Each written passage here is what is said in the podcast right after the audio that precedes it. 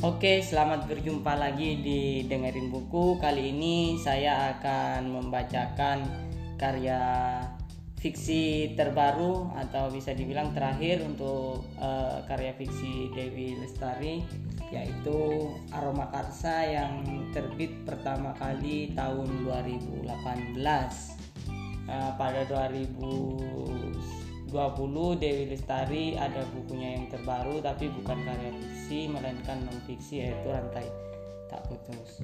Oke, uh, Aroma Karsa ini banyak uh, atau kekuatannya itu menurut penulisnya sendiri uh, mengambil tema yang tidak banyak diambil oleh penulis lain. Kalau penulis lain biasanya uh, ketika menulis itu menggunakan uh, indera penglihatan, pem, uh, indera pengecap dan lain sebagainya. Nah, uh, Dewi Lestari di sini banyak mengungkap tentang indera penciuman atau indera penghidu. Nah, jadi efek dari buku ini hati-hati ya teman-teman bisa membuat penciuman kalian tambah tajam. Seperti apa ceritanya? Silakan didengarkan.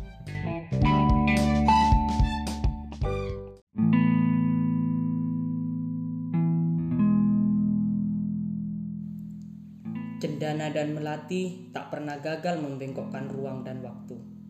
Manakala dua aroma itu berbaur dan terhirup di udara, melajulah Raras Prayagung menembus mundur empat dekade.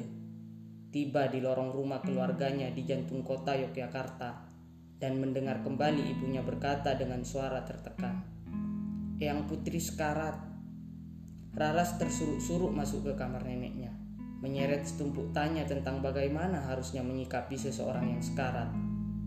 Akankah mereka butuh keheningan? Perlukah mereka diajak bercanda agar lupa akan hidup yang sebentar lagi berhenti di tanda titik? Perlukah ia meminta kepada manusia kesayangannya itu mendongeng untuk kali terakhir? Tidak ada suster penjaga, yang putri benar-benar hanya menginginkan kehadirannya seorang. Kamar itu lengang, udaralah yang terasa sarat. Bokor-bokor berisi kuncup melati ditopang oleh serutan pandan, mengeluarkan aroma sedap dari penjuru ruangan. Bola-bola kayu cendana yang tahunan menyelip di sana-sini menjenuhkan barang-barang di kamar itu dengan wanginya yang lestari. Kesegaran melati dan kelanggengan cendana menemani Eyang Putri sepanjang hidupnya di rumah itu. Membujur di tempat tidur besar berkelambu, Neneknya terlihat menciut di telan selimut rajut, seakan usia tua punya kuasa mengerdilkan tubuh seseorang. Eyang, bisik Rara sambil menggenggam lembut tangan neneknya yang menangkup di atas perut. Tangan itu terasa sejuk. Kelopak mata neneknya membuka dan bibirnya melepas senyum lemah. Puspakarsa, ucapnya. Suara itu parau, tapi tidak lesu kalau di matanya bahkan menandakan sebuah cerita besar akan bergulir. Raras mengenali semua gelagat itu dengan baik, ritual yang berjalan sejak Raras masih kecil, yang putri mendongengkan berbagai ragam kisah memikat, fiksi maupun fakta.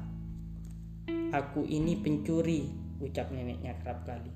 Pencuri yang membagikan faedah bagi orang banyak.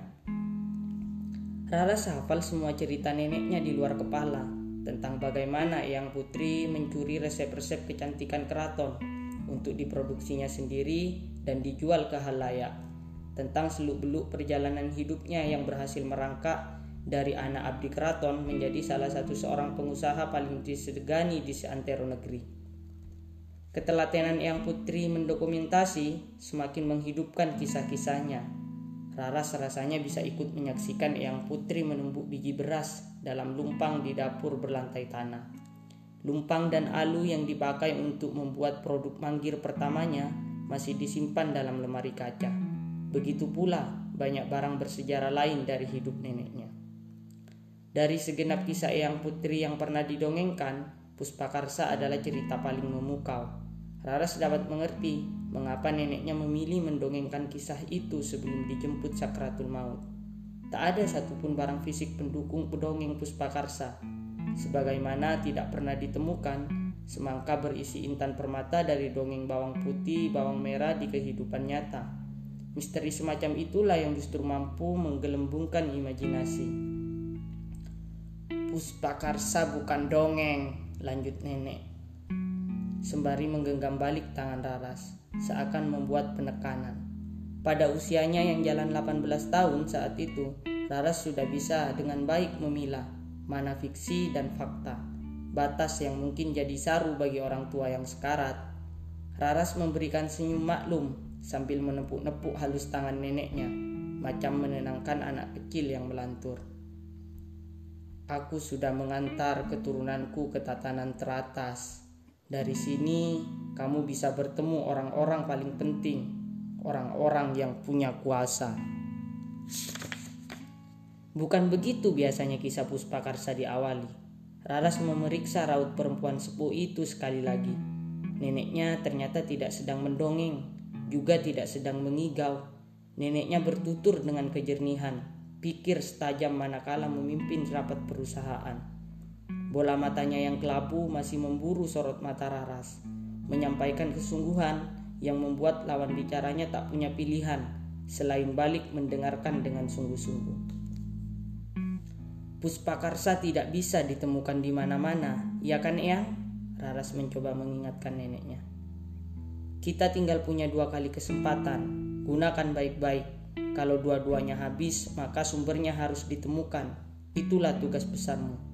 Jawab yang putri. Cari Puspakarsa. Di mana yang? Bisa dicari di mana? Jika sepersepuluh saja yang diceritakan neneknya tentang Puspakarsa selama ini benar, Rara siap melanglang ke mana pun semangat dan keingintahuannya seketika berbuih-buih. Sejenak ia lupa akan ajal di sudut kamar yang tengah menunggui neneknya. Sebelum di mana, kamu harus temukan siapa ke hidung orang yang tepat, Puspakarsa akan menampakkan diri. Yang putri menyentuh halus ujung hidung cucunya. Aku ini pencuri Raras, bukan pencuri sembarang. Aku cuma mencuri yang benar-benar berarti. Ke tangan Raras, yang putri menyelipkan sebuah kunci yang ternyata sedari tadi ia genggam di atas perut. Tidak ada orang lain di kamar itu, tapi ia meminta Raras mendekat dan berbicaralah ia sepelan mungkin ke telinga cucu semata wayangnya. Sejak itu, Raras hampir tak pernah meninggalkan Eyang Putri sejenak pun. Ia yakin neneknya akan pergi dalam waktu dekat. Raras menolak pulang ke Jakarta demi bisa menunggu Eyang Putri siang dan malam. Dua hari berselang setelah Eyang Putri memanggilnya, pada setengah jam kosong saat Raras izin mandi, saat ibunya pamit menerima sambungan telepon, saat suster penjaga rehat makan siang, Eyang Putri pergi diam-diam, meninggalkan embusan nafas terakhirnya di balik kelambu. Sekali pencuri, tetap pencuri, pikir Raras saat ia kembali ke kamar dan menemukan neneknya sudah tak bernyawa.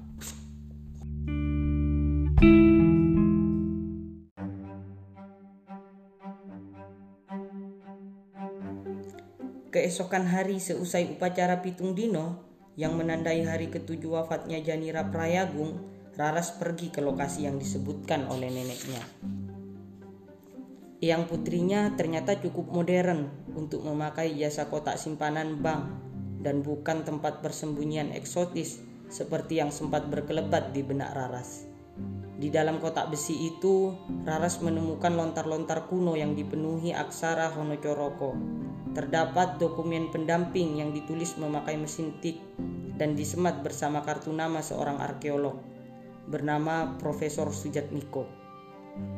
Ingatan Raras memutar suara Eyang Putri yang berkisah tentang kerajaan terbesar yang pernah ada di Nusantara. Sejarah bilang, pedang dan tombaklah yang menggoyahkan Majapahit. Ada cerita lain, cerita yang cuma diketahui segelintir orang cerita tentang seorang raja dan bunga agung yang sengaja disembunyikan dari rekam sejarah, Mahesa Guning dan Puspakarsa.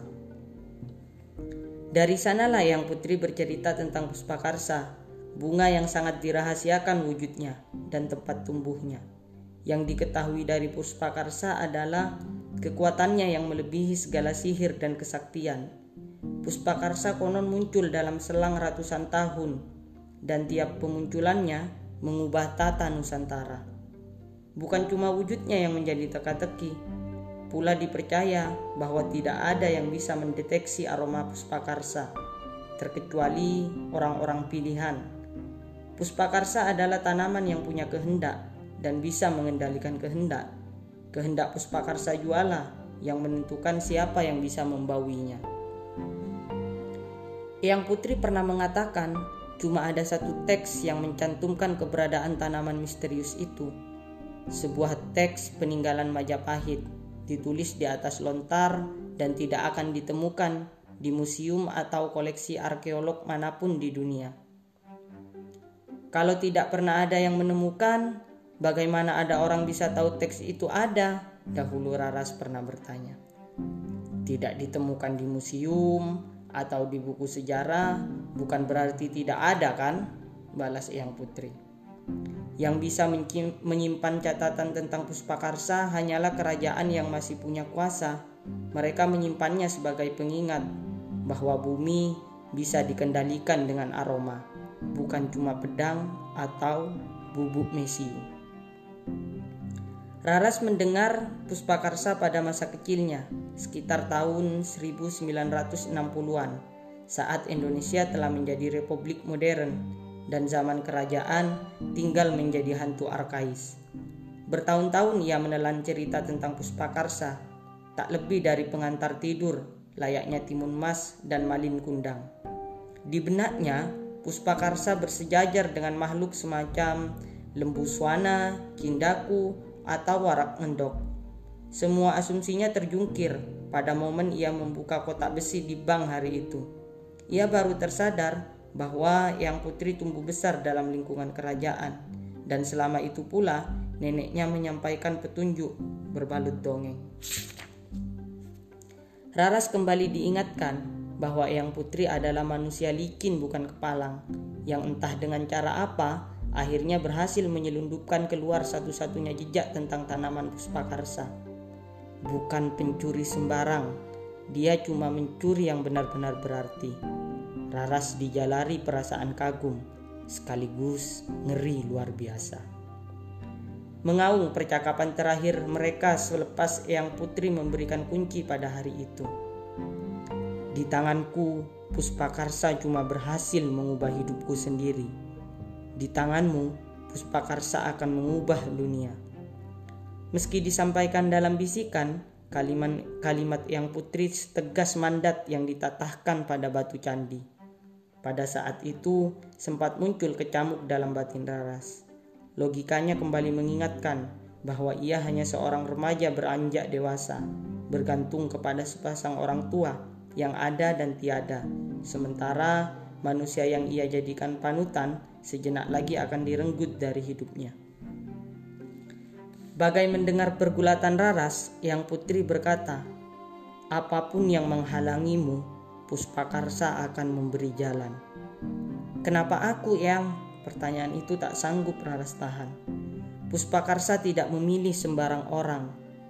Dia memilihku. Sekarang dia memilihmu.